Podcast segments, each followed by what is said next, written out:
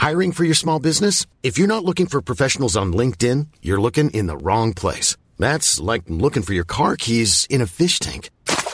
LinkedIn helps you hire professionals you can't find anywhere else, even those who aren't actively searching for a new job but might be open to the perfect role. In a given month, over 70% of LinkedIn users don't even visit other leading job sites. So start looking in the right place. With LinkedIn, you can hire professionals like a professional. Post your free job on linkedin.com slash spoken today. Hi, this is Paige from Giggly Squad, and I want to talk to you about Splash Refresher and my water intake. Okay, so you guys obviously know that I'm a hydrated girly, but sometimes when you drink that much water, it starts to just taste bland, and you're just like, I need something to spice it up. That's why I love Splash Refresher. It has zero sugar, zero calories, and it's a splash of sweetness. And they come in five different flavors. They're so good. Wild berry, acai grape, pineapple mango, lemon, and mandarin orange. My favorite is the wild berry because I just I just love a berry. So if you're like me and you're drinking water all day, then try Splash Refresher. It's going to absolutely change your water game and it's good for you. Ryan Reynolds here from Mint Mobile. With the price of just about everything going up during inflation, we thought we'd bring our prices down. So to help us, we brought in a reverse auctioneer, which is apparently a thing. Mint Mobile unlimited premium wireless. Ready to get 30, 30, bit to get 30, bit to get 20, 20, 20, bit to get 20, 20, bit to get 15, 15, 15, 15 just 15 bucks a month. So, Give it a try at mintmobile.com slash switch. $45 upfront for three months plus taxes and fees. Promo for new customers for limited time. Unlimited more than 40 gigabytes per month. Slows. Full terms at mintmobile.com. Are you ready for episode 200, Øystein? 200. What an anniversary to celebrate, and what a podcast we have for you today. Yeah. We're going international again. Indeed, we are. To celebrate this very special episode of the Scoochpod, we've got a great friend of ours and a fantastic guest that travels the world and does the car hobby and the car industry like you've not heard it before. Yeah, and he has some insights. He has some insights, so this is going to be an interesting one. Get ready.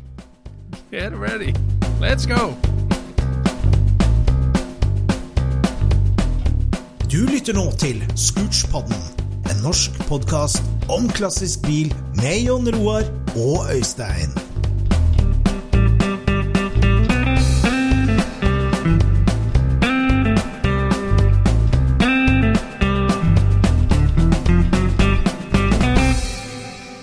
Ladies and gentlemen, welcome to a new episode of the Scoochpod. At this episode, we have a fantastic guest that we've. Uh, I remember first time we met. He was only 16 years old, starting off a career in uh, car collecting, car dealing, and he's taken it to a new level. A really busy guy, travels the world looking at Porsches, buying and selling, collecting and finding. It's an honor to have you here stop by in our studio sc- in the Scoochpod, Mr. Kobus Cantraine from Belgium. Welcome. Well, good to be here, and an honor to be on your on this totally uh, amazing podcast with uh, these two legends from the north. Oh, there you go. You've listened to all the episodes, right, in Norwegian? All of them, of course. All right, great. How are you, Kobus? How are you? Long time. I'm very well, Øystein. It's uh, good to good to see you again. It's uh, it's been too long, my friend. Yeah, that's right. Yeah. That's right. It's really good. I mean, you've been to SEC here in Norway, so you've uh, you've been been here before many times. Yeah, I did the SEC. I did uh, several trips to Mantorp uh, in Sweden, and Yeah. um, been to Finland a few times. Yeah. yeah. yeah. Yeah, I, I, I've always appreciated the whole of Scandinavia. It's always been a very, very um, lovely place to visit, as far as nature goes, as far as people go, and especially as far as the car scene goes. It's it's very exciting up there always. Yeah.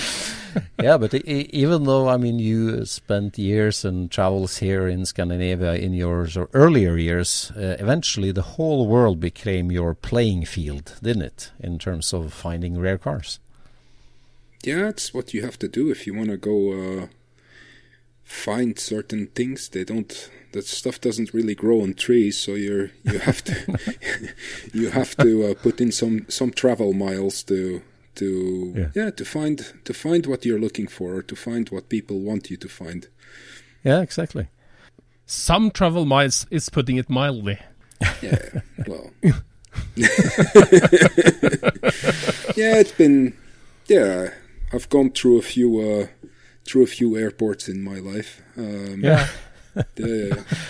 So what, what's Yeah. just give just give it a little insight. I mean, the last few weeks, the last month, uh, wha- what what's your Uh, agenda the last, been like? The last month has been um, spent mainly in in and around London, uh, in Belgium, of course, where uh, where it's still my home base. Um, there was one trip to uh, Monaco, and one trip to Switzerland. Yeah, Yeah, there you go. that was about Was it car related? all of it. Yes, absolutely. All of it, yeah. Because I mean, basically, ever since uh, that, uh, I mean, first Beetle when you were in your teens, uh, you you made a living. I mean, you you made your whole life evolve around cars, Kobus, and and you you make a good living out of it uh, today. It's your job. Yeah, yeah, yeah, yeah. It's it's. I don't think I could have done anything else but uh, work with with cars and classic cars, and it's it. Yeah, It started off with a passion, and Yeah. that's. I'm I'm really lucky to be able to to do this, to still do this, uh, to keep doing this for all these years. Um, So it's yeah, it it, it gradually uh, evolved into into what I do today. Yeah. Um, Yeah, because following you and I mean your Instagram account where you share some of this uh, life, you I mean you you travel around the world to verify cars for people and to inspect cars for people, and also you you buy and sell uh, from your own company. So you do some consulting and some dealing, right? absolutely, yeah. It it's there's no fixed schedule of uh, what things um, what things might end up looking in the next few few weeks or days. It can always be very very last minute. Yeah. um, whether it's something special pops up somewhere and we need to go look at it, or um, somebody has uh, an urgent uh, inspection or authentication, which is more what I uh, what I'm what I'm hired for to do. Um, And then yeah, you you hop on a plane with all the all the equipment and you do the job. So you, so you have found a way to uh, put your interest and your uh, eye for details into a job. Yeah, um, that actually, um, well, Øystein, you remember the times when I was there with the the Cal-look Beetle in uh, what was it when we met in '96 with uh, our mutual friend. Um, Yeah. And um, back then, uh, I was just looking for cars and parts, mainly in California, uh, for Cal-look cars, for Beetles, uh, chasing EMPI parts, Weber 48 IDAs, um, and the things that we that we liked. Um, and in the years that followed, I started to bring back more cars from America, and some were Porsches. Yeah. Um, I had a bit of knowledge of Porsches. Um, I I got my first 911 when I was think I think I was 15 or 16, and then uh, followed a, a 1953 Pre-A when I was maybe yeah 17 or something like this, and so in America I bought some Porsches and some a friend of mine who was working on um, Cup Beetles back then when there was the Käfer Cup, so more German look. So totally opposite to uh, the Cal-look scene. Um, But here in Belgium was a pretty vibrant um, Käfer Cup scene. Big Type 4 engines, 17 inch Porsche wheels, Porsche brakes, and stuff like that. And the guys, they were actually racing them. And one of those guys evolved from the Porsche uh, from the Beetle racing into Porsche racing. Okay. and he opened the shop um, and got some clients which were um, doing track days with their Porsches, and one of his clients actually had a genuine 74 3 liter RSR. Okay. And he introduced me to him, and that man was basically at the at the beginning of his um, of building up his collection, Yeah. and he had located a, a 2.8 liter RSR from 1973, one of just 55 in Florida.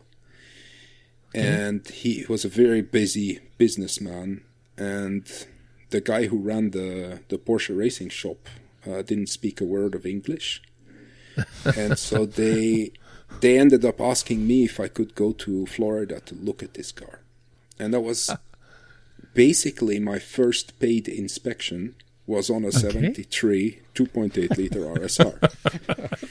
That's a and okay how- start. And how Yeah. old were you, Kobus? How old were you then? I was 19, I think. 19 or 20. um, I had a I had a few early 911s already come through my hands and I'd been focusing on finding a lot of um, very original Beetles. so I had I had knowledge of what was an original paint car and how to tell the Yeah. difference and things like this and Yeah. and I shared the passion with that Porsche collector for that future Porsche collector basically for for details and for little little things that made the difference. Yeah. And so we spent a few days before that trip going over what made a a 2.8 liter RSR special, um, Yeah. digging into the books.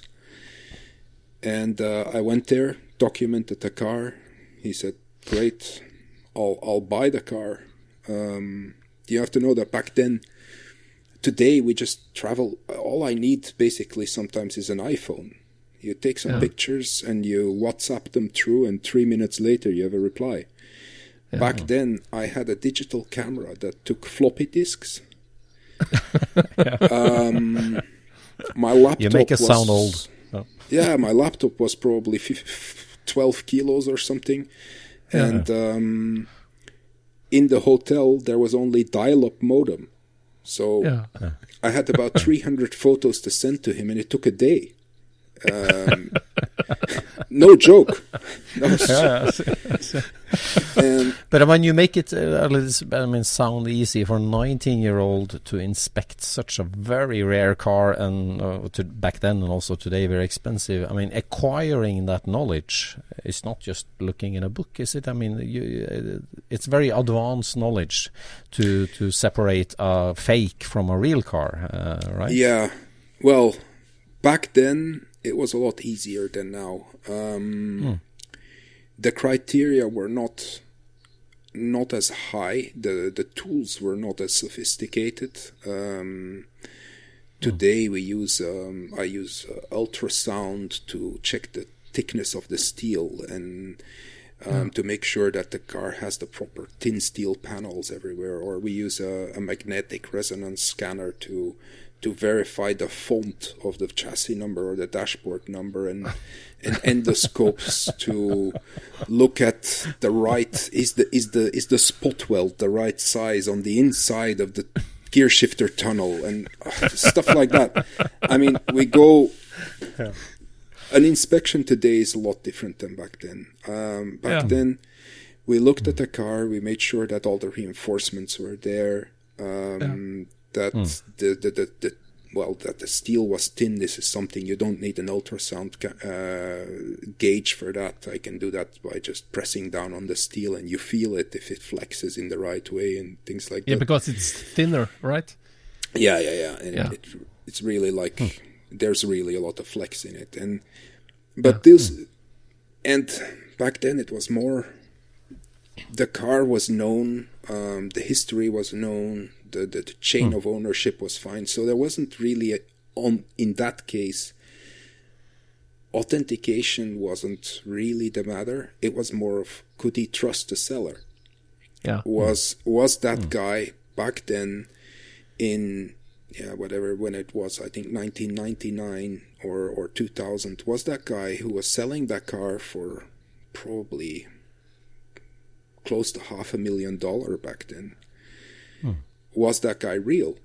Was that guy hmm. not going to scam him? Was the car there? And and so once that was verified, and once that we verified that yeah, the chassis number looked real, the engine number looked real, and and and the quality of the car was like he said, a beautifully hmm. restored car. Then it was mm-hmm. all all green lights, and then he um on the phone. I remember him telling me, "Okay, well, I thought, okay, I sent the pictures and my job is done. I'm I'm going home the next day." And he's like, "Well." can you stretch your flight for a couple of days? I'm like, why? like, well, I'm gonna send the money, but I'm gonna want to have you check up on the car make sure it stays in that same location, like twice, two, three times a day until the money arrives, because I'm scared that. I mean, if these guys are gonna scam me, this is. I, and then, yeah, so I stayed there a week in, in, in Miami until the car was strapped into a container, and only then I was allowed to fly home. A bodyguard for a car. Yeah, absolutely. so, and yeah. for me, that was cool. Uh, I was Yeah, getting that paid. was I was cool. in Miami. I was partying, and yeah, And basically, on the on the plane back, you think, all right, I can make a living out of this. This is a great thing. Well, maybe, but what actually made that switch was that the guy from who we picked up that car um, in Miami a few weeks later called me and said, "Hey, I really liked how you worked on that. Can you do that for me for a car in Europe?" sure. So Okay. off you go. You go look at a car in Germany, and then you go look at one in I don't know wherever in in in Helsinki, and then one in Barcelona, and then one in Rome, and it kind of snowballed. It's very Yeah. much um, year after year, more people, and still a small, quite small group, but a group of people with who I still work today evolved into this um, yeah into this base a foundation of guys with with um, who call me from time to time to do these things and then yeah over the years um, yeah just simply amazing cars have have, have gone through uh, have gone through the radar over the years Yeah. Yeah. yeah, because I mean, we're not talking we're not talking uh, uh, average 911 here. You, you you you quite quickly grew into the very very rare, very very expensive versions of the Porsche, right? Absolutely, that's what I I always targeted um, top level stuff. Whether it was um, even even with the Beetles, I I, I really liked um, really nicely built Cal-look cars or very rare original uh, original yeah Porsches and Beetles and yeah, Yeah. The, the rarer it was, the the nicer it was. If I would chase split windows in Sweden, I would chase uh, barn door buses, and and yeah, eventually today I'm I'm chasing RSRs and STs and 904s and nine whatever you name it. It's it's if if it has an engine and it has race history, I I'm into it. Yeah, because I mean, especially the the lightweight models of the 911s became your absolute speciality. I mean, pull us through a little bit on on that sort of section of the Porsche history there. I mean, it started with the 911R, right, as as first special model, or No, uh, I'd say we could track it back even earlier. I would go um, back to the 50s with uh, the 356 uh, GT cars, the the Carreras. Um, Carrera, whether they had Carrera engine or pushrod 90 horse, they had lighter steel. Uh, no, not lighter steel. They had aluminium panels. Um, Yeah. they had the aluminium front hood, uh, engine lid, doors, completely stripped interior. They didn't even have. There's areas where the carpet was replaced with just vinyl, um, just hmm. because it was a couple of grams lighter. Yeah. Plexiglass windows from the factory. all of these hmm. all these little things which hmm. you find then later, yeah, on a 911R, and then later on on an ST, and then RS, RSR, and yeah, GT3 RS today is still the continuation of all of that. But for Yeah. me, it all starts with the 356A Carreras. Yeah. exactly. Good point. Where where the factory starts making race purpose vehicles and, and sold to racers for racing. Mm. Yeah, for more money, more money For more than money. a lighter car, more money. You get less for more. Yeah, absolutely. But I mean, uh, the the knowledge about these very special, like you say, 50 cars a year or 50 cars of a whole version, very rare cars. I mean, uh, do you eventually gain access to the Porsche factory as well and, and archives there? How how do they, how do you relate to them? I've got a good contact at the factory archive, but I have to say I have a better contact with one of the Porsche Classic centers. And but um, usually, you know, the archive is is not necessarily gonna give you an insight of what makes a car um, so special or how authentic it is.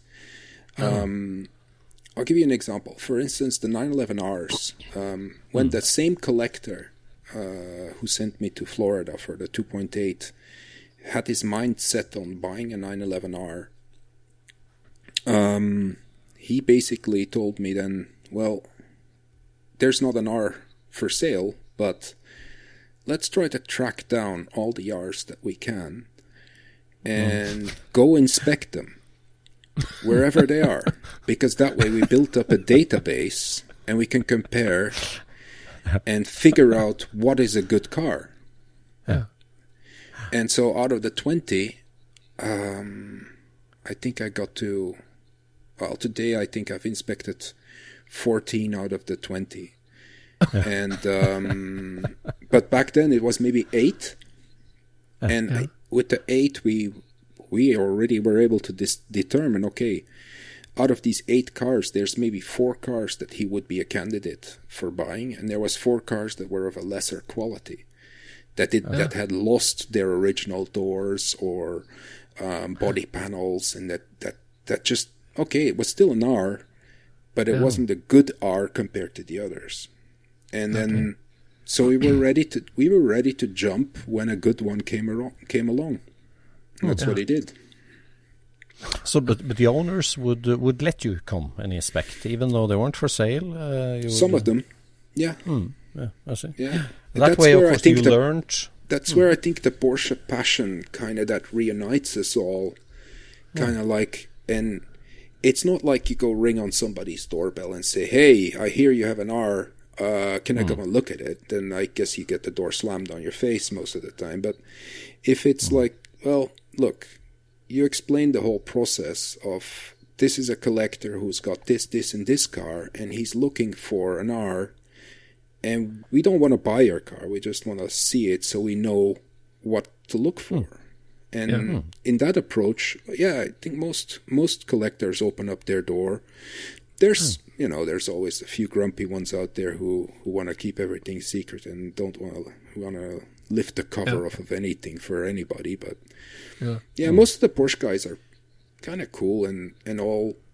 Why do they, these cars even sit in their garage? Well, it's because they have the same passion as as the next guy. Yeah. But uh, when you go there to look at the car, do you share your findings with the, the owner of the car? Or uh, It depends. Sometimes it's the owner of a car who will who will say, "Hey, I have this car. I've had it for 15 years, and I'd like to know if I got fucked 15 years ago or if this is a good car." yeah, And yeah, sometimes well, it can go either way. yeah, because well sadly because these cars are so valuable and they have been so valuable for the last yeah for a long time. I mean there's been a lot of fakes. Um, there's people who say that of the 73 rs of the lightweight they only made around 200 cars. And there's people who estimate that there's about 600 in the world. So it's for every Really? for, for every for every chassis number you have three of them it's exaggerated. Some of them there's only one, but of other cars there's four or five sharing the same number. No joke. wow. I mean, it's it's yeah, and then the the reason for getting the stuff checked out properly before you sign a check is is is crucial. Yeah. Hmm. Because I mean that, that that's an important thing. I mean we want to talk about the joys and pleasures, of course, of this hobby. But I mean this this fake uh, dimension that uh, I think comes with the value uh, and the money, of course. Where I mean, since you started, since your first trip to Florida in '99, I mean the journey, the price curve that most of these cars have been through on those 20 years is unreal, right? And and with that comes uh, the desire to make fake cars as well. And and you made it a uh, say a life task to uh, to to check the fakes and separate the fakes from the real ones, right? Yeah, it's a it, it's a double-edged sword. Um, sometimes you want you want to um, dig into it, and sometimes you don't. I mean, if you start, um, you know, Italy, for instance, is a pretty sketchy area. Um, You, know, mean as a country or the cars? No, as as far as the cars, I mean, there's there's okay. been a lot of there's and there's been a lot of cars that have been duplicated down there um, Okay. over the years, and some of them for legitimate reasons. Yeah, Um, because like Øystein says, the the value thing is one thing, but it's also amazing race cars. So of course and that's what someone people- needs a yeah hmm. That's what a lot of people forget that yeah it's hmm. not hmm. always. I mean, the fakes which are made really fake out of a, um, I would say, With out a of a purpose, sort of. financial purpose. yeah That's probably only been going on for maybe thirty years. Yeah. I would say something, mm. or a little longer. Mid, let's say mid eighties, yeah. Um, for certain models. Mm. But the fact of having a car with a passport, which is you know FIA FIA legal, and then you mm. well you smash it against Yeah. a tree, and you have another rally the next weekend. yeah Are you really gonna go in one week get a new FIA passport? yeah No. Hmm. Are you hmm. able to put your engine and gearbox into a different 911 in a week? Yes, no problem. You can do it in a day. Hmm. yeah And so a lot of these race cars got smashed multiple times. I was talking to a guy who runs a, um, a company that drives today in. I think today they're doing uh, this AML um, this AMLM series or something like this, some new re- endurance racing. I'm not very much into the newer cars. I, I don't know what goes on. But, anyways, new, new endurance racing stuff. They do 24 hour races all over the world. And they said that one car last year with a particularly bad driver who has a checkbook, they reshelled his car six times In one season. in one season. yeah And so they just yeah, they, they have a subscription at the factory of getting new bodies. And it's and it's not and that car probably in 30 years time some expert is going to say, "Hmm, this car, it's a fake." Well, no, it's not. That car did all the races that it did. It's just Yeah. well, the first shell only did two races, the second shell did two races, the third shell did one race and and so Yeah. on. yeah hmm. and all the team members have a, a broken shell behind their shed at home That's where it gets interesting sometimes, where then the duplicates start. yeah How do how hmm. do sometimes, out of real reasons, I I have a fantastic um, car that I looked into. It was a I think it was a 934, and there's pictures of, and uh, we got the entry, um, all the entry logs from uh, from Le Mans yeah uh, out of the Le Mans archives.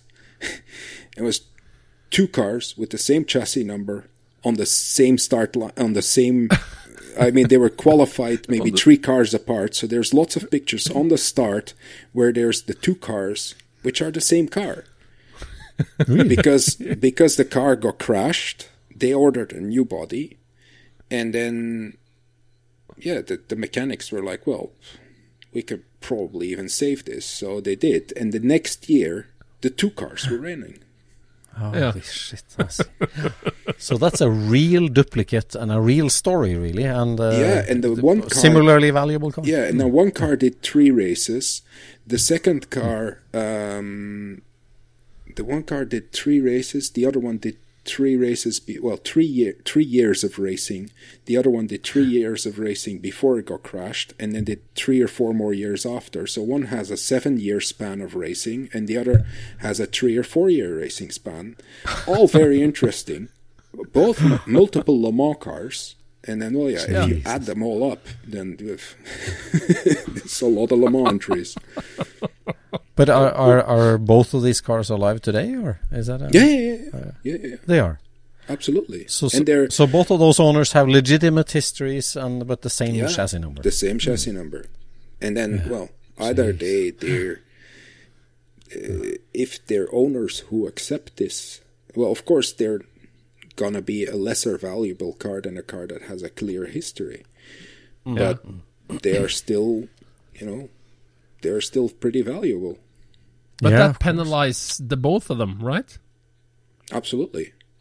Yeah, because there's no real car of them. Hmm. Well, Well, they're both them- real, yeah. Well, they're Yeah. both real. Yeah. Hmm. yeah, yeah. so yeah, so it's it's a double-edged sword, usually, because I mean, you have this equipment, you have the X-ray machines, the magnetic wave machine, and you travel with this in your suitcase and are able to determine some of this. But then you open a bo- can of worms, really, because I mean, is this Sometimes, uh, sometimes yeah, it's a legitimate? disaster. Yeah. Yeah. Is it is it a race crash rebuild or is it a financial reason reconstruction type of thing? Um, yeah. Yeah. Hmm. Huh. Is it is it this often that you're you- is it often that you're sent to look at a car with a serious perspective, and you say, "All right, this is a fake. We were not buying it completely. Not." What, tell us a story about that. Well, often, I wouldn't say often, but it it does happen. It, it does happen a lot, but those are those are kind of stories that you can't really go into detail about. No, no, of course. Yeah, no. But yeah, it, it it it happens, and it's the and then yeah, it, it hopefully it's it's um it's just com- confirming somebody's um, suspicion.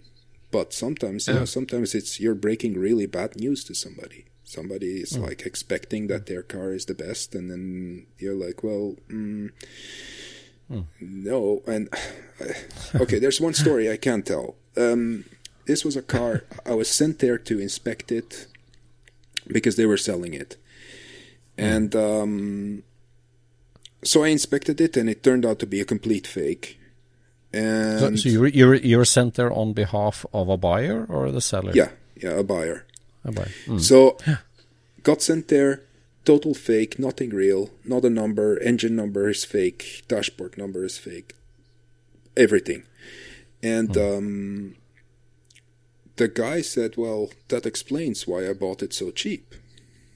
I'm like, okay, yeah. it, it does. He's like, yeah, but nevertheless, this is a bit of a problem because I don't want to be the one selling the car and and getting a bad reputation out of it.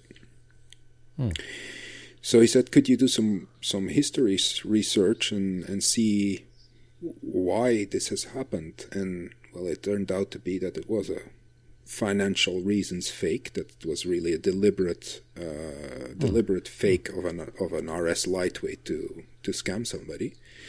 But while doing the research, I found the real car with an old man under who was hiding it under a tarp in his farm who had the car since 1974 and hadn't driven it since 1977 Okay. You fo- you found that on your way.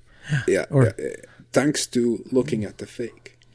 The car's still yeah. the car's still with the old man. He's he's he's gonna die with it. I mean, he's never gonna sell the thing. But this was very very. This was such a cool find and such a, cool encounter that would have never happened if we wouldn't have inspected the fake car. Yeah. so the fake you were looking at was a uh, it was a deliberate copy of that car of the old Yeah, man. absolutely. Because Had- that car was lost. That car was exactly lost because that car was yeah. was was no longer registered for so many years and and Yeah. somehow they they figured out oh yeah this car is not registered in any country or whatever and we'll just build it and they did My goodness, my goodness. The buyer was lucky then to uh, to have you find out that. Of course. well yeah he he eventually he um uh the the guy with the fake car still owns it. I'm i'm still in touch with him and and he enjoys it but he just um knows that he will not uh well if he sells it it'll be sold as a as a replica. Yeah. Yeah, fantastic. it sounds like you were born with a silver spoon in your mouth, Kobus, but uh, I don't think life was quite that easy uh, all the way back when, when you got started in this. Tell tell us your uh, your uh, Kobus origin story.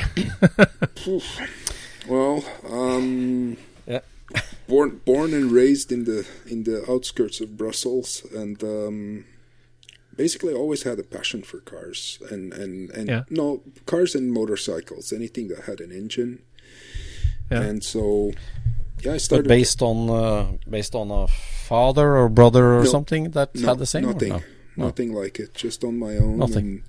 You were just Yeah. born with it. and, yeah and and um yeah so i started with some mopeds fixed them up and um first moped was a free moped that i after multiple demands um was able to get from uh from a friend of my father that had plants growing all over it and it was just hadn't hadn't moved for many years and was a Motobecane uh from the 50s and, and I, I fixed that up i think i was uh, 10 or 11 years old.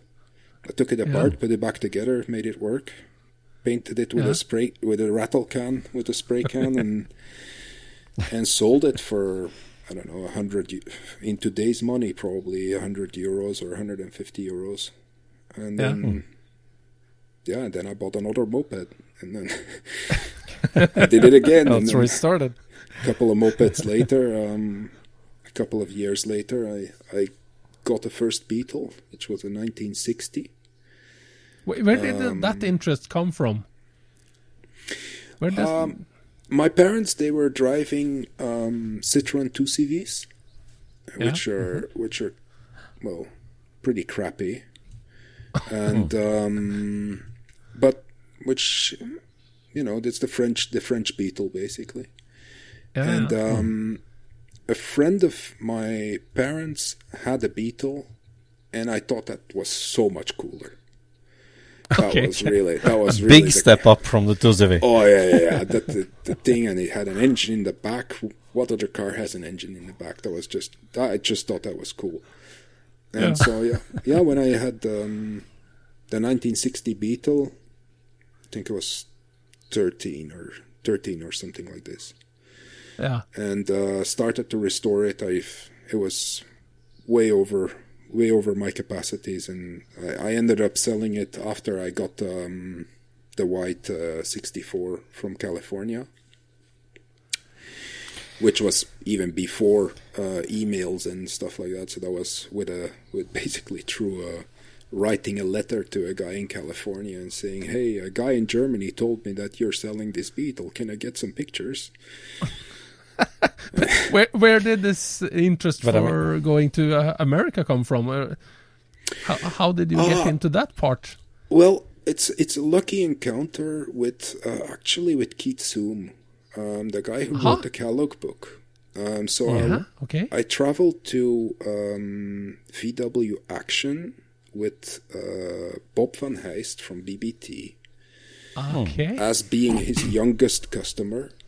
And Okay. on that on that trip, he had also invited his oldest customer, and so he Okay. he I remember him introducing me to one of his suppliers as, "Hey, I'm Bob, and this is uh, my youngest customer. This is my oldest customer," and it was kind of a yeah, it was it was kind of cool. And um, Gun- Gunter, who's now at CSB, was also there. Um, Yeah, yeah. so we we I drove a double cab together with I didn't have a driver's license, so I was passenger with Gunter in a in a in a dub in a, a 60s double cab, yeah.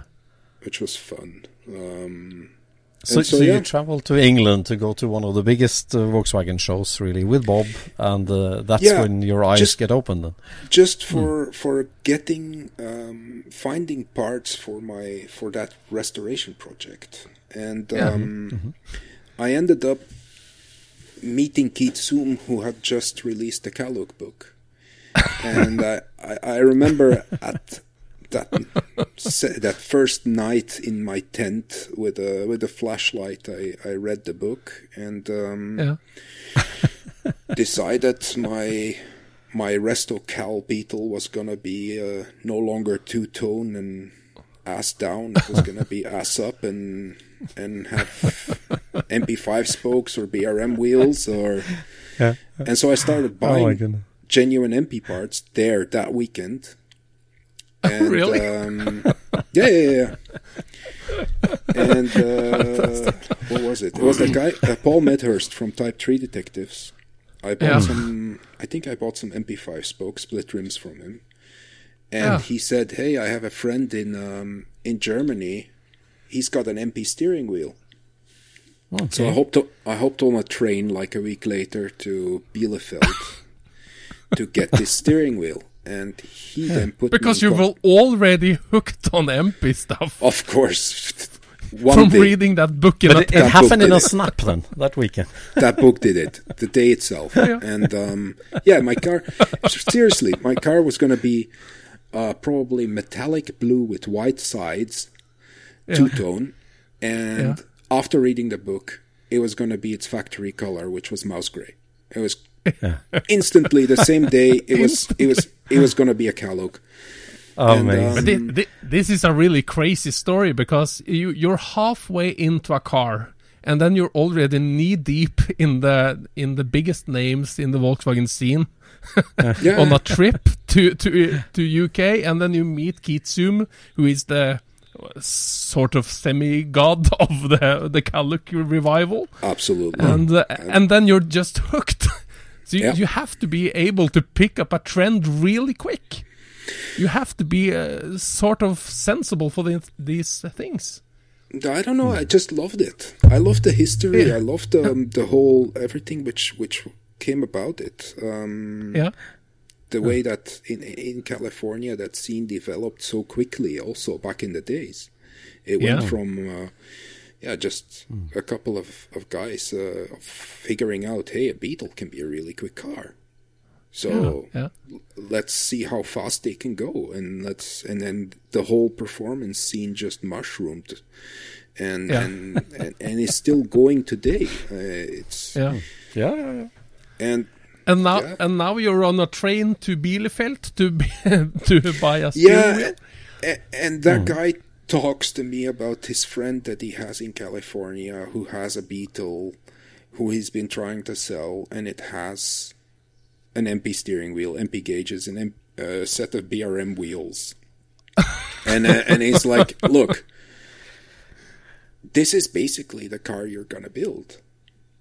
And it, he was Yeah. right. It was uh, financially, it was a better solution for me to buy that car that was already done. So But I, I mean, bought- Kobus, you're just done with a few mopeds, and you're 16 years old. Um, that, that that is that was a it's, lot. It was a uh, lot of mopeds, though. It was a lot of movements. But I mean, it, and this is all pre-internet. This is you don't Yeah, yeah, have Uh, you you you're looking for these mopeds in the in the in the local paper. I would get um, the local paper from around Brussels or from the south of Belgium. And I was focusing back then on uh, Hondas, four-stroke Hondas, Honda DAX, Yeah. ST50s, Yeah. ST70s, mini bikes, the monkeys, Yeah. and I they were sometimes really really cheap, and people didn't want them anymore. And but there was a club in the north of Belgium, in Antwerp, where they were really, really hot. And so it was sometimes possible to go find the, one of those for uh, 10,000 Belgian francs, which was about 250 euros, and sell it the next day for 60,000 Belgian francs, 1,500 euros. So make a 1,250 euro profit on in a few days on, on just a little mo- motorcycle. Yeah. So yeah, they that was the base.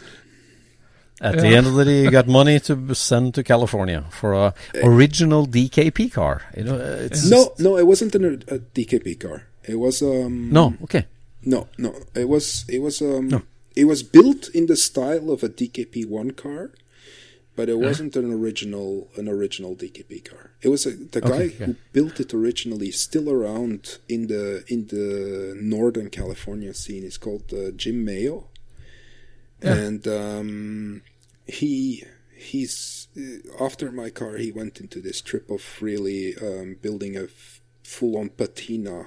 Uh, car with only unrestored parts on it. I think he's running a Rajay turbocharger kit and stuff like that from Okay. all period bits. Is um, I found him on Instagram not so long ago. Um, So yeah, he's still he's still still doing it. ah, I see, I see, I see. But, But then DKP, you- you're right. uh, what's the DKP? DKP is the Der Kleiner Panzers, uh, which was the um, Yeah. the club that um, was in uh, in Orange County and that had a lot of these um, California look, which we call today California look Beetles. Yeah. um, which were uh, and they were very um, very high quality builds. They were and they had um, a lot of style compared to even for for in California back in those days there was different clubs and I think the DKP guys built the nicest most the most uh, pure looking cars with uh, back then just look them up there's I'm sure you Yeah, guys know I- where to find I the know. history on those I know. Just- I know you know and and and they also had uh, this. Uh, there's a there's a saying or a story where, uh, where uh, other guys uh, you, with the American cars they come up to this DKP club and ask them if they want to race, and the DKP says, "Sure, pick anyone." oh really yeah, yeah, yeah, yeah. Yeah, they all had they all had biggest engines. But for back in those days, they had they had strong yeah, yeah. engines. Uh, so you you you you you get a name and an address in California uh, on your train back to Brussels to Brussels. Uh, Then you end up writing a letter across, and you Yep. buy that car and you get it over to Europe as one of the because I mean that book of Keith Seume came out in what ninety six or ninety five. I think ninety five. 95 yeah, and and uh, basically it, it changed uh, eventually. I mean you were one of the first to read it in your tent there but i mean it, it changed the whole european scene almost on volkswagens Yeah, in a big way. I mean it's it started a movement. And and w- when you brought that 64 to Volksworld show as one of the first sort of finished cars in that style on the European continent, really, I would say it, it was it was a shock to us. I remember I remember so well this really young non-driver's license guy from Belgium with one of the coolest cars we had ever seen. It was amazing, really. so, uh, but I mean, your ability to early on see see and execute or identify and execute. I mean, you are a man of execution, really, Kobus. To get you get stuff done. so Oh, we try. it, wa- A lot can happen in the next three years. Like a chatbot may be your new best friend. But what won't change? Needing health insurance. United Healthcare Tri Term Medical Plans are available for these changing times.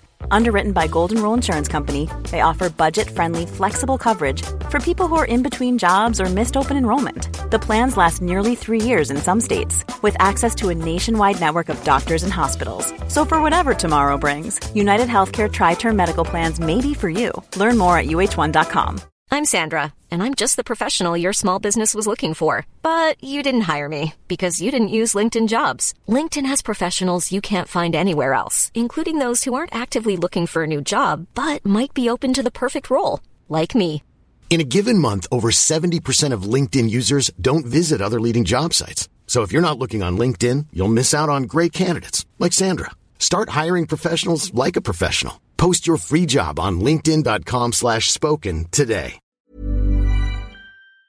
Yeah, it's really amazing because uh, so so so uh, so. But then you started uh, dealing parts, uh, Cal-look parts, because you. I mean, you saw this emerging market, of course, and you were connected, and you. Yeah, it was, yeah, well, you were right in the middle of that. Hmm. I sold I sold a few gassers and dragsters, and I sold a few um, a few Cal-look cars, but it was mostly project cars that we were that we were importing. It was mostly uh, rust-free Beetles um, buses and, Yeah. and and Karmann Ghias from time to time and things like this. But it, it was mainly uh, and also I think I started selling cars to this guy who from who I bought a car in in California. I started Yeah. to s- chase cars for him here in Europe. Um, It was uh, Dave Orozco, and oh, he's Yeah. he's sadly passed away.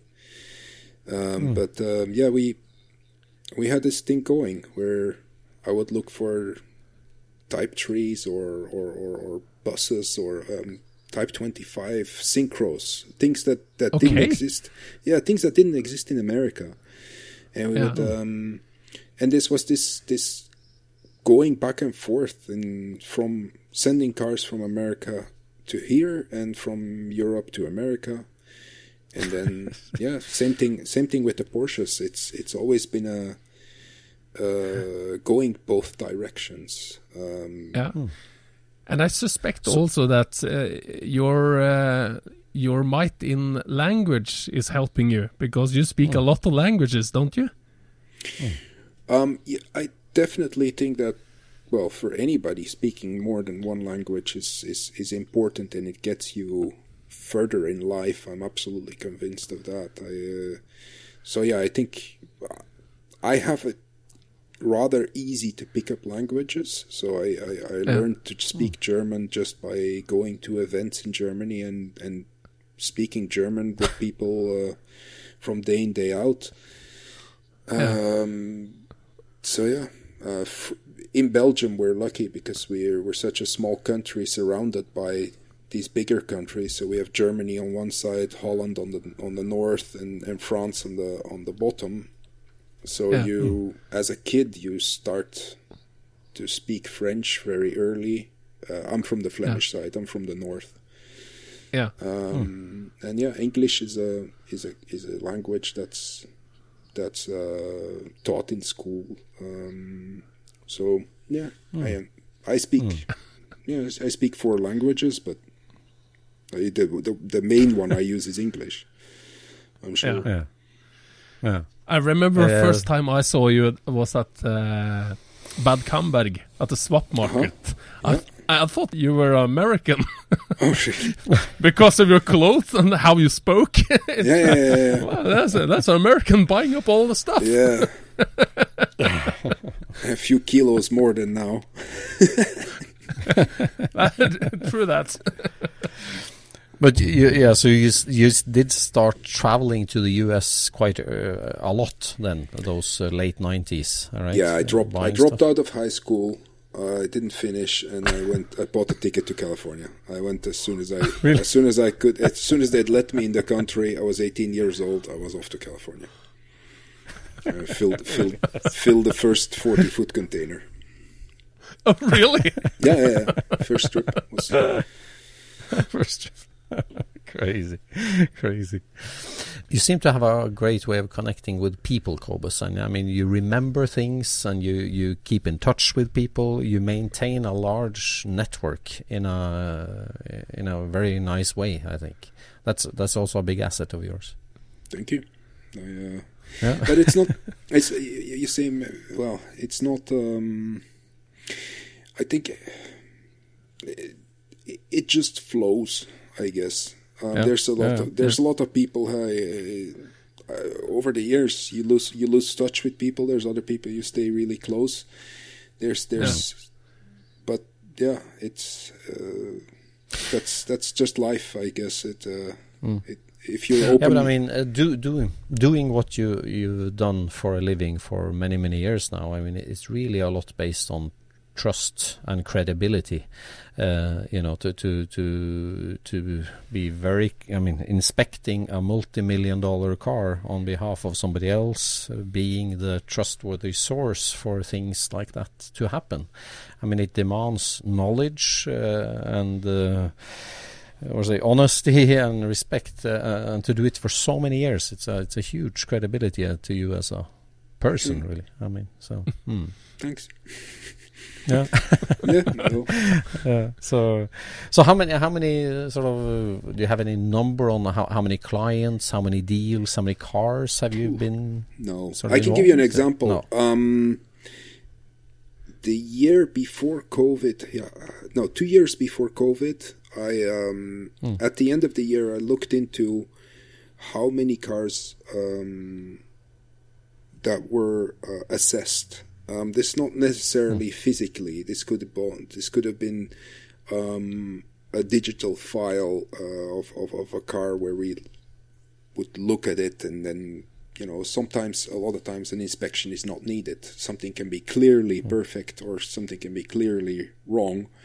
And then you you say well yeah if you want me to travel i, I can but there's no reason for me to go look at an hmm. an original paint car that on the pictures shows everything hmm. with the or factory finish everywhere and that you're like well yeah okay well if you want me to go i can go. But hmm. this looks absolutely perfect. And then um, but i had treated in one year 289 cars Are you serious? yeah that was that was a busy year and Oh my goodness! but do you Yeah. do you keep track of? I mean, do you have digital files where you keep track of all these things? Yeah, and I, I lost I lost a laptop once, uh, which was a Oh. which was a disaster. Um, but Hmm. and since then I've, I've um, I put everything on a uh, on a cloud like um, Yeah. uh, Hmm. drive. I use I actually use the the Google photo photo decks. Uh, they they so far they've Yeah. been uh, they've been good to me. They've not. they've- Knock on wood and hope they never Knock on wood. lose a server. um, Oh. But yeah, Yeah, I see. But we, we But I mean- can't really uh, skip over the fact uh, that you started your own Volkswagen event together with two friends. Yep, that was with Mike and Freddie. The we um, the main one that we did was uh, well that they are still doing was uh, the European Bug-in, and that also well organically grew out of um, you know one of a, a night um, hanging out at the Volksworld show. Yeah. Um, I think we were eating. It was the this this yearly fajita Cal-look dinner, uh, which we Yeah. had for a couple of years. I don't know if Øystein, I'm sure you remember from Yeah, yeah. from the the late '90s, and um, yeah, there wasn't really an event for for the Cal-lookers, and so we started the Das Drag Day, and um, Freddie had been doing his local um, local VW Freddy show, Files? The Freddy Files, where I was always help, helping out. So we, we had a little bit of knowledge of of um, gathering people, and Yeah. then uh, we put that um, yeah into we put created that uh, Das Drag Day in Germany in Bitburg as a as a drag racing event for Cal-lookers and and um, you know the the European Cal-look clubs came and then SEC followed. Uh, Yeah. and the whole scene, the whole Cal-look scene, kind of yeah, really did did evolve very well. And, and we were a um, close knit group, all yeah, of yeah, yeah, uh, all of. Europe. Yeah. And then um, the European Bug-in um, came after it's actually the guys from the Chimay racetrack had approached um, Pat, who does the Pat Stock and Performance shop in in uh, the, the Volkswagen shop in Belgium. And so in the beginning, there was um, it was even the four of us who were discussing about doing this this bug-in event, and uh, Pat just said, "Okay, I, I, I'm not going to have the the time, the the, the, the energy resource to to do this um, because of his um, shop. So it was just uh, Freddie, Mike, and myself in collaboration with the with the Chimay racetrack. Yeah. And um, I knew um, Rich Kimball from traveling to California all those years. Uh, Yeah. he, he had become a friend, and so we had a, a discussion with him to to be allowed to use the bug-in name, the logo, and to to hmm. build up these events in Europe. And they and um, it was Because at that time, the the, the real American bug-in was long gone, right? I I'd have to look back into the years, but I think they had revived it a few times back then already. Hmm. But it wasn't hmm. it wasn't Yeah. very strong. Um, No. Hmm.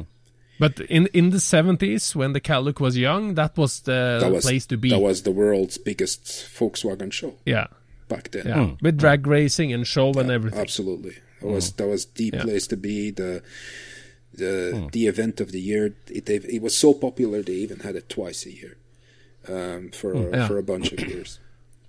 Yeah. So I remember exactly where I was sitting when uh, when you sent me a SMS. No, what was it called? MMS? No, probably an SMS. No. Probably yeah. Yeah, it was some some kind of chat group we were on, Mm. and then you It was MSM. It was like the messenger. MSN, yeah, yeah, yeah, yeah, it Messenger, Microsoft Yeah, yeah, Messenger. Yeah. Yeah, Microsoft Messenger. And just uh, one li- late evening, you told me, "Don't tell this to anyone, but I have secured the rights to host the European bug-in." yeah. And I, I was thinking, "Wow, that's a smart move. That's a smart move." Well, that, and that was that was very expensive. It was ten dollars and a sushi dinner. Yeah. And and the thing is, I, I hope they still It's do an annual it. but sushi that was, dinner, right? That was an annual sushi dinner where Kimball had to had to have his sushi, and um, it was so cool of him to let us let us do that, and and and to be such a gentleman with it, with you know, uh, it was for me those those bug-ins were um, they were they were fun, but they were absolutely stressful and and Oh yeah, oh my because you didn't start something small. Oh, you start God. something big, right? it was How many was- people on the first one? oh, I don't remember, but it was in the thousands. It was it, it was so it was yeah it was really big, and the last few of them where I was co co-hosting them, um, I didn't see the end of the shows. I I I was always out with my with back problems. Um, Yeah. and just totally overworked from the from the weeks of prep before and Yeah. well uh, Jon you've you've organized a few events over the years uh, I see you've lost Yeah. some hairs might might have been lost a few hairs. might might have something to do with that uh, people Yeah. don't realize how how stressful these these things are if you're um, on the on, on yeah on the other side they're Yeah, but I also I also uh, respect it because of you're doing it in a kind of hard country.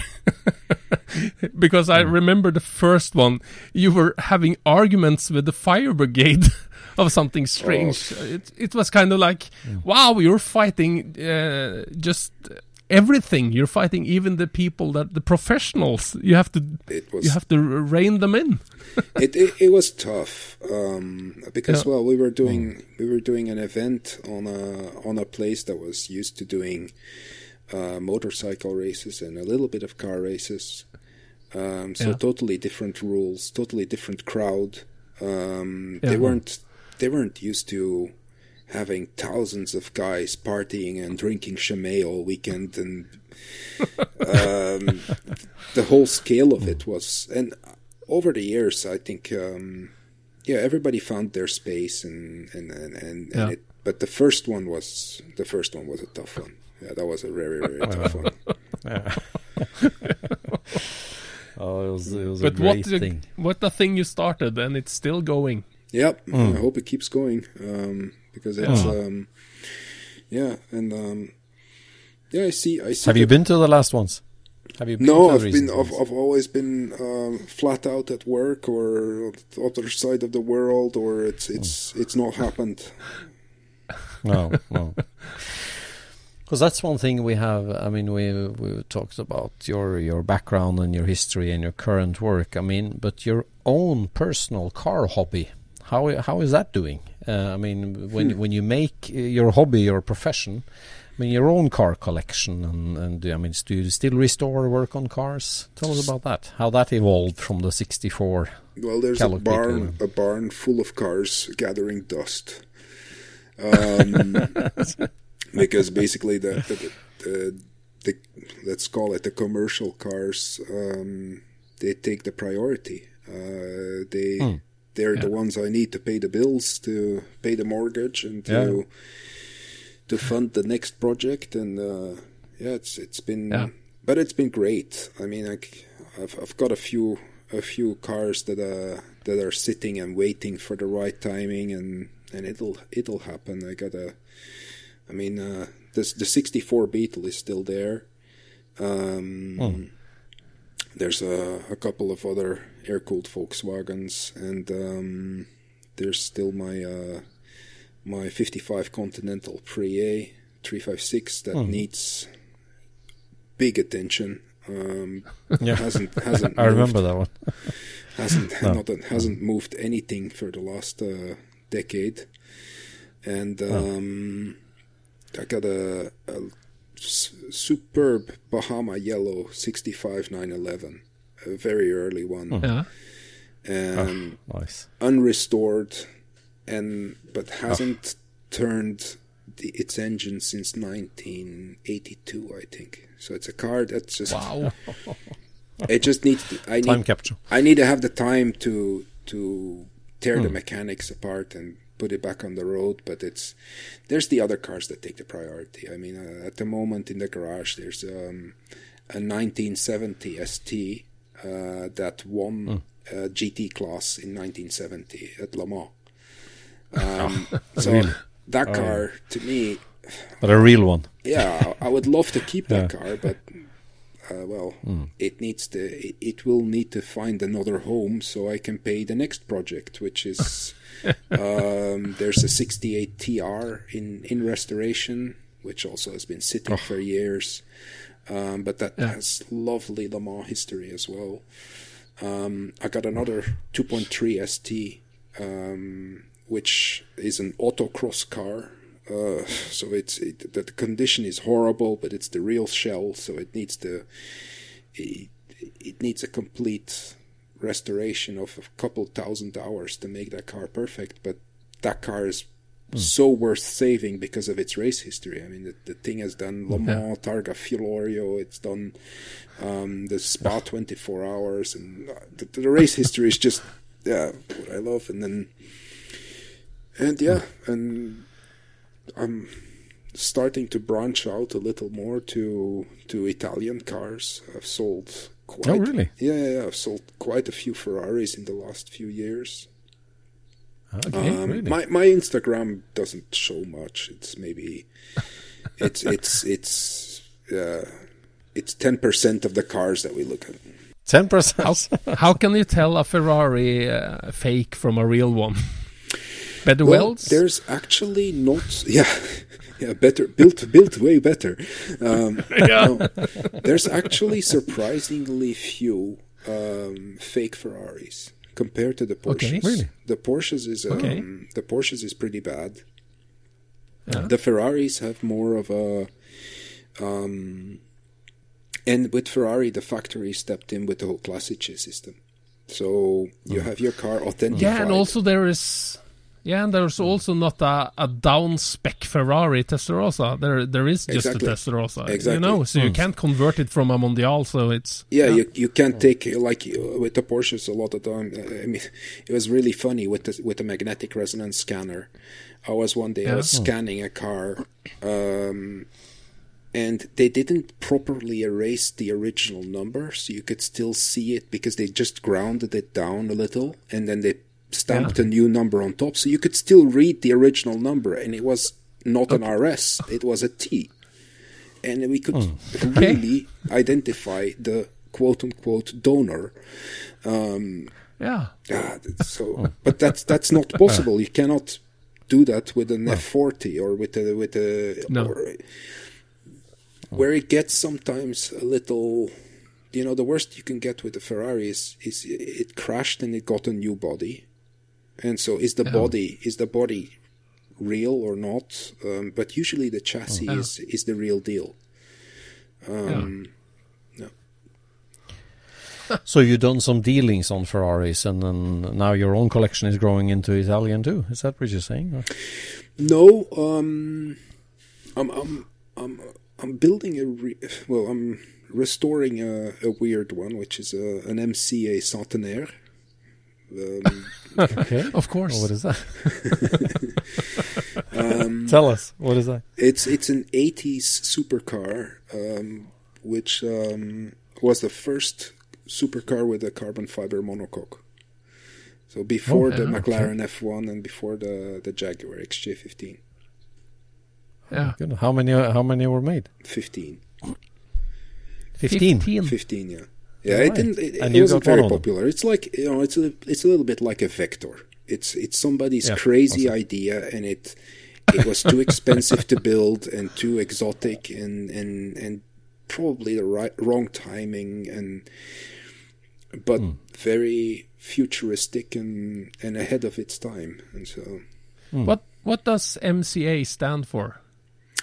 uh, uh, Monaco uh, Monte Carlo Automobile Monte Carlo. So it was built, uh, built, built in Monte Carlo. yes yes was the There's a car factory in Monte Carlo. There was one once. Okay. They built 15 cars. that was it. So you bought it as a as a um, car needing restoration, Yeah. and you you've started the restoration. You, Yeah, yeah, yeah. Do, you, you have a co- a company that does that for you, or do you do you work on it yourself? We or- found the original guys who were employed by that factory, and they've um, restored another one of these in the last few years. And um, Oh. Okay. so they are. It's it's actually the the original team is is back on it. okay. Oh wow. So it is in Monaco, Monaco No, being they- restored, or They the whole Monaco um, thing. They well, Monaco is quite close to Italy, so even the yeah.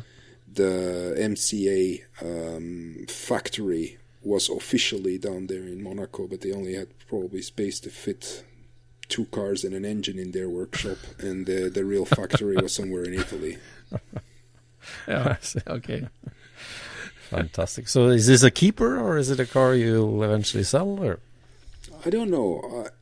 I'm wondering how it drives. Um, yeah, There's been uh, a couple of cars that I've had over the years which were a huge disappointment, which were always a big dream. Um, Okay. Uh, the the Mercedes 190 Evo 2, the one Yeah? with, with the big wing on top there. The, the, the Yeah, yeah, yeah, yeah. that was kind of a Mm-hmm. childhood fantasy for me. Of course. And um, yeah, it drives like Wasn't shit. it good? Really? It drives like shit. okay. Yeah, it's, it's, really?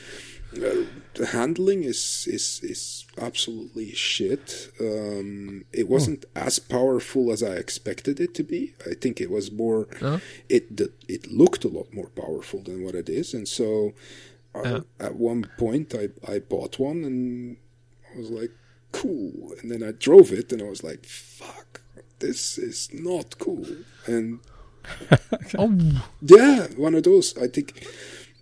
Um, yeah, of the same So era. tell I think there's there's there's cars that are that deliver a lot more than than that one. Uh, a, Yeah. a good M3 Evo or a, or an Audi Quattro is is a more exciting car to drive definitely than that Mercedes. That Mercedes just as a DTM race car, it was probably a great car, but as the the street Yeah. homologation version, pff, no, that's just uh, just a, a fat Mercedes with a body kit. It's, it doesn't do it.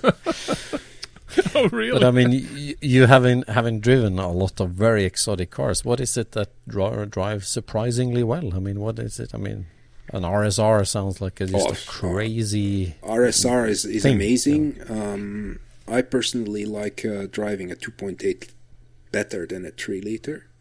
Uh, the 3 liter Mm-hmm. is a better chassis though, but it's it's more fun in a 2.8. Um, Okay. But I have to say my my best experience in a Porsche, uh, I would say, is probably either a 550 Spider or Yeah. Oh my goodness! or a Porsche that's not a Porsche, and that's that would be a Ruf CTR one, the first generation CTR by Ruf. Oh my god, Yeah. that's so quick, so so so so much power, and Uh, yeah, that's just Is that crazy. Yellowbird? uh, yes, yes, yes, yes. Yeah. it, it is Yellowbird. It is the Yellowbird. It is Yellowbird. Yeah, yeah, yeah. Oh, have you driven the Yellowbird? No. Yeah, yeah, yeah, yeah. Well, not the yellow bird, but the similar. No, but ah, yeah, yeah, yeah, okay, yeah. yeah. They they made they made 29, and um, uh, I've I've been lucky enough to to sell two of them and drive two of them for a for a short time in my life. Yeah, oh my god! Is there such a thing as a fake Ruf? there is um, in the Rufs. There's two categories. There's the Rufs that are built by Ruf, and there's the Yeah. Rufs that are. There's actually three categories. There's the Rufs that are built by Ruf, and that have a Ruf chassis number. Mm-hmm. There's the Rufs that Yeah. are built by Ruf and that have a Porsche chassis number. Those are Yeah. Mm-hmm. they drive exactly the same as those with a Ruf chassis yeah. number, but they just are mm-hmm. not one of the 29 or the 15 or the 12 or the whatever range they they had at that moment mm. and they're Yeah. built by people who either took their used car to Ruf or that uh, said to Ruf hey you guys did this great series of cars a few years ago. I want one now. And then they just take another car and then and so the there's a difference there. And then there's the the ones built by Ruf um, authorized dealers. Like uh, there's Okay. a lot of those in norway actually. Um, because Oh, there was okay. a very a very good Ruf center in in um, uh, in Norway or in yeah I think it was in Norway. Was it Autocentrum or something? Yeah. I think so. I think so. Yeah. I'd have to look that up. yeah. So yeah, for the rest, um, it's been uh, it's been a lot of stuff. But dr- driving uh, driving a 550, tell us a little bit about that. 16 inch wheels, uh, Yes. old tranny, Absolutely, but of course yeah. a very cool engine. But, but, yeah. Four cam engines, um, sloppy gear shifter, uh, very very uh, big steering wheel, and like you say, 16 inch floppy tires and everything, and and and a lot of horsepower actually for the weight. You're, you, the car is just over 500 kilos with um, 125 to 150 horsepower. It's it's just phenomenal. It's just yeah, and and you're sitting yeah on on a piece of aluminium. It's it's it's very very fun. Yeah. when you talked about uh, Mercedes, I came to think about uh, Paul Zuckerman Yeah, because he buys a lot of Mercedeses. Uh, and I think he has actually mentioned you in uh, in uh, Spike Feresten's uh, Really? Spike's car radio. Yeah, I think he mentioned you. No, I, I know he mentioned you, but uh, if it was him or someone else, I have to. mention uh, have Kobus has done a PPI on it. Oh, that's probably on the um, on the ice racer. Maybe It's I don't know. I, Oh, maybe yeah. I don't know. There was a there was a fifty. Zuckerman used to have this um, really great um, fifty nine Carrera GT Coupe, Yeah. the blue one. the blue Mm. one that now is back in Mm. in Sweden. Um, that Yep. was uh, sold new in Sweden, and I I inspected that car a long time before um, it ended up going to the Seinfeld collection, and then Zuckerman got it from Seinfeld, and then Zuckerman sold Yeah. it to a very very very nice collector in um, in Sweden. Mm. Yeah. That's a great thing. You have some you have some good names on your uh, customer list, Kobus. Yeah, but I've been I've been lucky. I've been lucky that, like you say, that people give me the trust and the Yeah, and that, uh, yeah. Yeah. But I mean, with the fact that you have been able to identify trends uh, and and place yourself to be part of them, really. I mean, that whole Cal-look evolution, and of course, in general, the the Porsche uh, journey in the last 20 years, and then these very special Porsche models. We of course have to ask you, what's the next big thing? What, what are your eyes on now? I think it's something that Magnus should answer. Isn't, it? Isn't that Magnus? Isn't that Magnus Walker's uh, show? The next big thing. No, no. yeah, yeah, that's oh, right, yeah, it that's is, right, it is. Yeah. Ha, Yeah. what's No, the next big we're big asking thing? you. In um, in Porsches, I think the last uh, the, the the clientele is definitely shifting, and um, there's a lot of people who have um, done very well with uh, Porsches from the 90s, and um, I've I've sold three 3.6 turbos in the last 12 months. And that's something Okay. which before uh, would have never happened. So Really?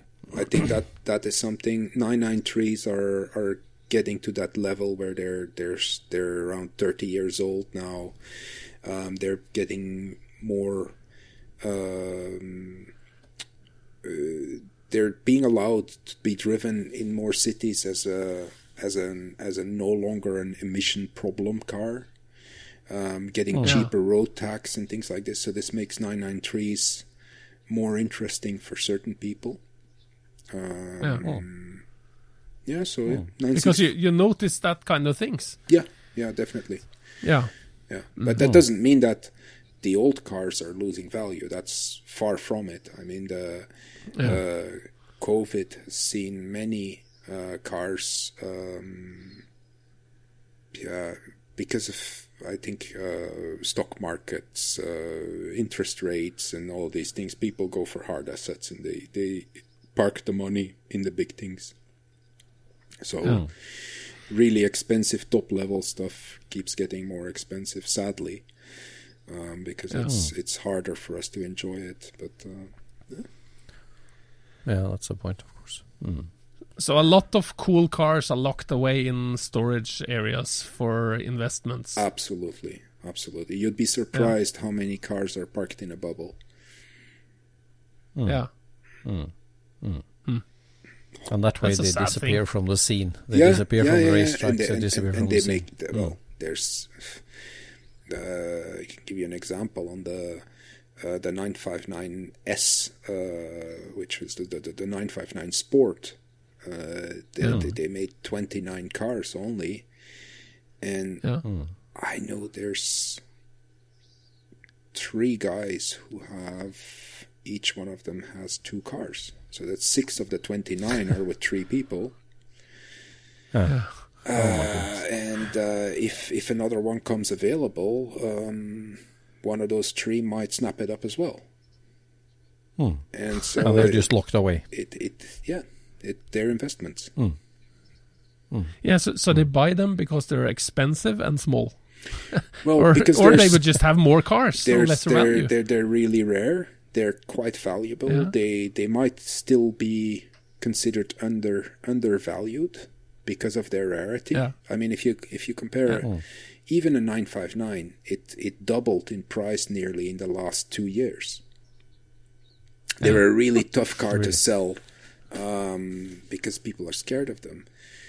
But Yeah. um, the F40 has has also doubled nearly in value. So it's something to do with yeah.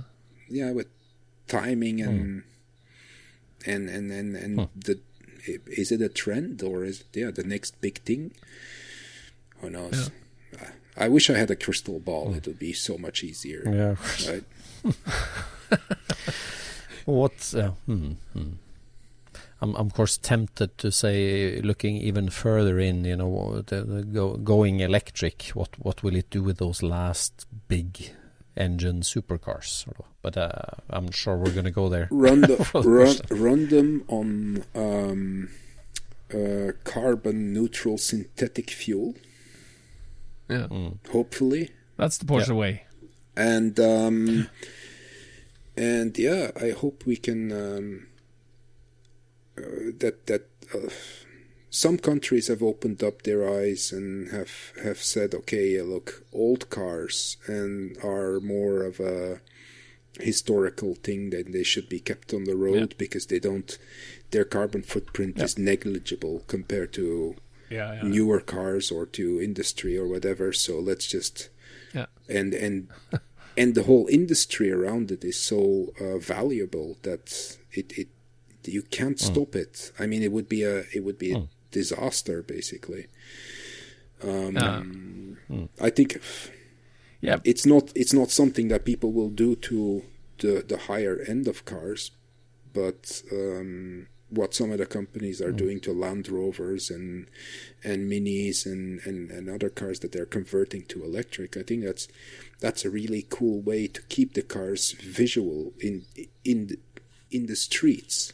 That these um, so that people are yeah that the collective mindset keeps keeps saying hey it's it's probably something for those that can't uh, handle a 993 that needs Sure. something that looks older, you know, yeah yeah yeah to go into the city centers. Absolutely. Yeah.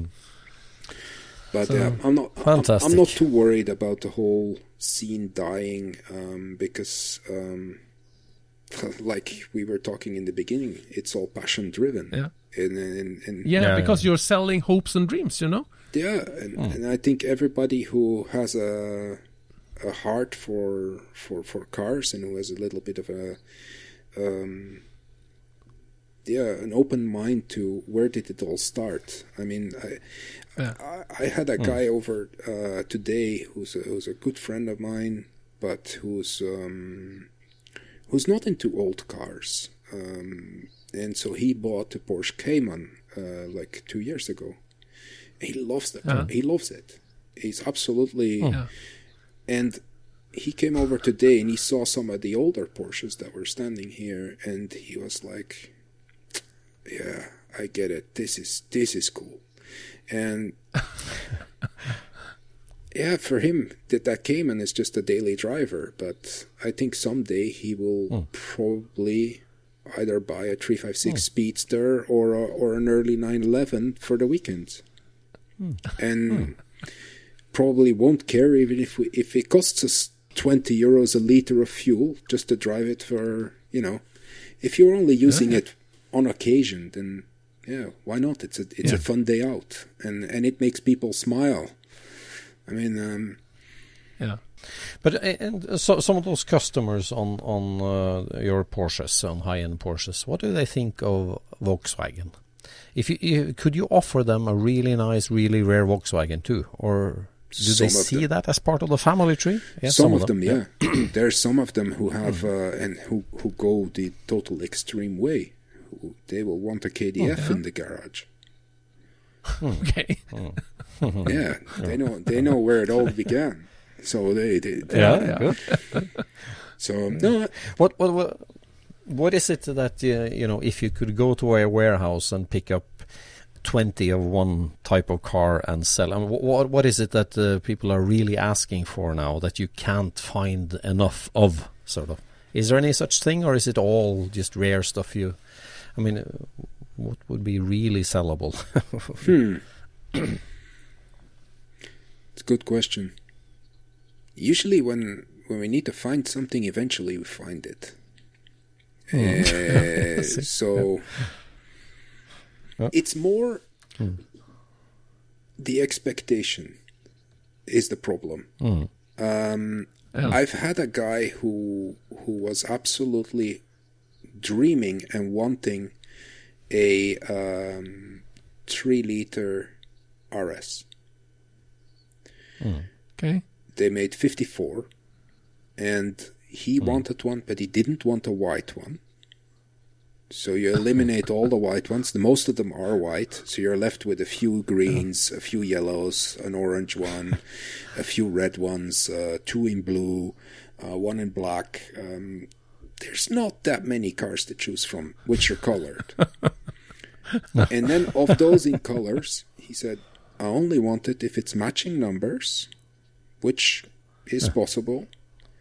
And I only want it if it's all original panels and still has some original paint on it. And then you just you give up. You just have to say, okay, now forget it. This this it doesn't exist. They've all been painted. They've all been raced. They've all been crashed. Not all of them, but impossible criteria. impossible, and, Yeah. and that's something. And and then it takes educating. And some people don't want to listen, or they don't. They, they really don't care. They're like, oh, well, if it doesn't exist, then it's not going to fit in my collection. It's like, Okay. yeah.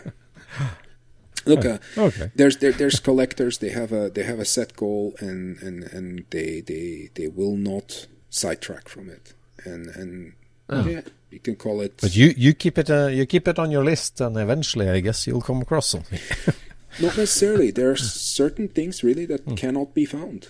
You cannot, Cannot. you cannot find an original paint 1974 RS 3 liter Oh. in a color. In a color. I get you. I get you. But I guess you have some kind of uh, a list where you keep the, the cars that are supposed to be out there but are, are somehow lost to to history or uh, locations. No, not really. I, I have enough. No? I have enough work with just dealing with cars that are that exist. Real. Yeah.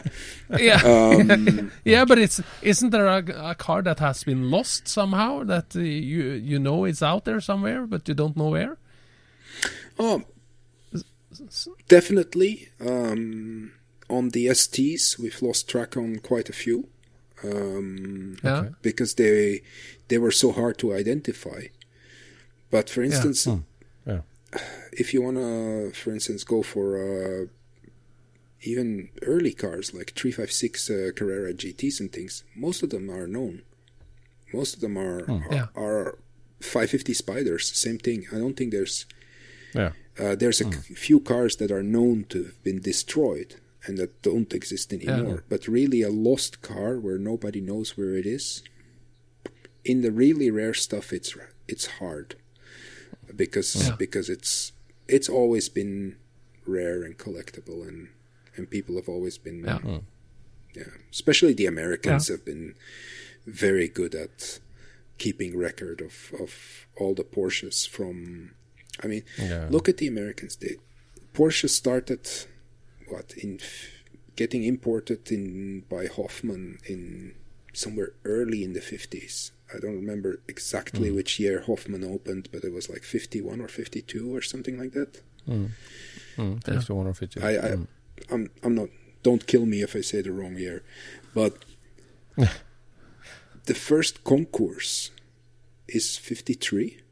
The Porsche Club of America concourse is like a year or two years after, and they're there cle cleaning their white walls with a toothbrush, and um, yeah, with cars parked on a on a grass lawn, and so it, it's a it's a different culture out there. Here in Europe, it was Yeah, a sports yeah. car that got used, and and um, Hmm. and if your your engine was too small, then the next year you'd put another engine in it. They were already writing down engine numbers and making sure everything was matching.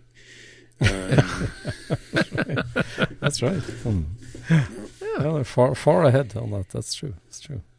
Yeah. Oh, what is uh, I understand what you're saying. Is like the Gmunds as well. I mean, there's no really cars that Yeah. are really lost, is there? No. They, they are No, no, all no. Uh, chased they've to the end. all been Uh, accounted for. Yeah. Yeah, yeah, that's right. That's right. Fantastic, Kobus. Fantastic. Do you ever get time to wrench on some of your car or cars yourself? Yep, uh, from You time do? to time, but um, um, not as much as I'd like to. But No, no. yeah, when are we going to see you driving around in the 64 Caliber again? it needs um, it needs brake work, and uh, it needs uh, it needs a couple of days of wrenching, which which I don't I don't have right now. So it's it sits it sits next to the other cars. What's what's the next uh, next car you're going to travel to look at right now? I mean, what's next on your agenda? Mm, it's probably gonna be uh, 512M. Hmm. Okay, so uh, Italian. Okay. Again. Yeah. See, five twelve M. All right. Yeah. Well, good, good.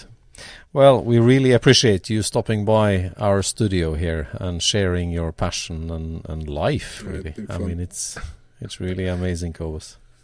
It was my pleasure. Uh, Really cool. much appreciated. Much appreciated. We're gonna check in with you again uh, every now and then because uh, peeking into your world is just fantastic. We love it. And uh, just tell tell your uh, your kids start wrenching on mopeds. That's all I'm gonna say. ah, yeah. yes, absolutely. Yeah, Mopeds it all starts start. with a cheap it all starts Yeah. with a moped. Yeah. Yeah, Uh, fantastic. cool. Great. Much appreciated. Thanks a lot, Kobus, and good luck on your uh, car adventures. My pleasure. And um, yeah, just let me know when you want me back. Yeah. Perfect. Will do. Talk to you care. later. Talk to you soon. Thanks. Bye bye. Scoochpodden produseres av SSC Media, med god hjelp av VV Norge og Trond Dahl for hosting, Knut Micaelsen for musikk. Abonner på Scootspod via podcaster eller Acast, og følg Scootspod på Instagram og se det vi snakker om. Der kan du også komme med kommentarer og innspill, og fortelle oss hva du vil høre om.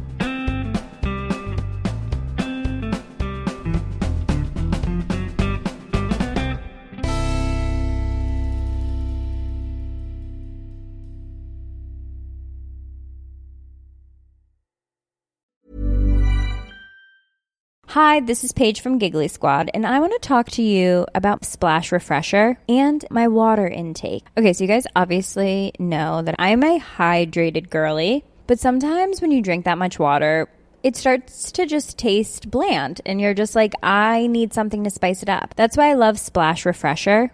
It has zero sugar, zero calories, and it's a splash of sweetness. And they come in five different flavors. They're so good. Wild berry, acai grape, pineapple mango, lemon, and mandarin orange. My favorite is the wild berry because I just I just love a berry. So if you're like me and you're drinking water all day, then try Splash Refresher. It's going to absolutely change your water game and it's good for you.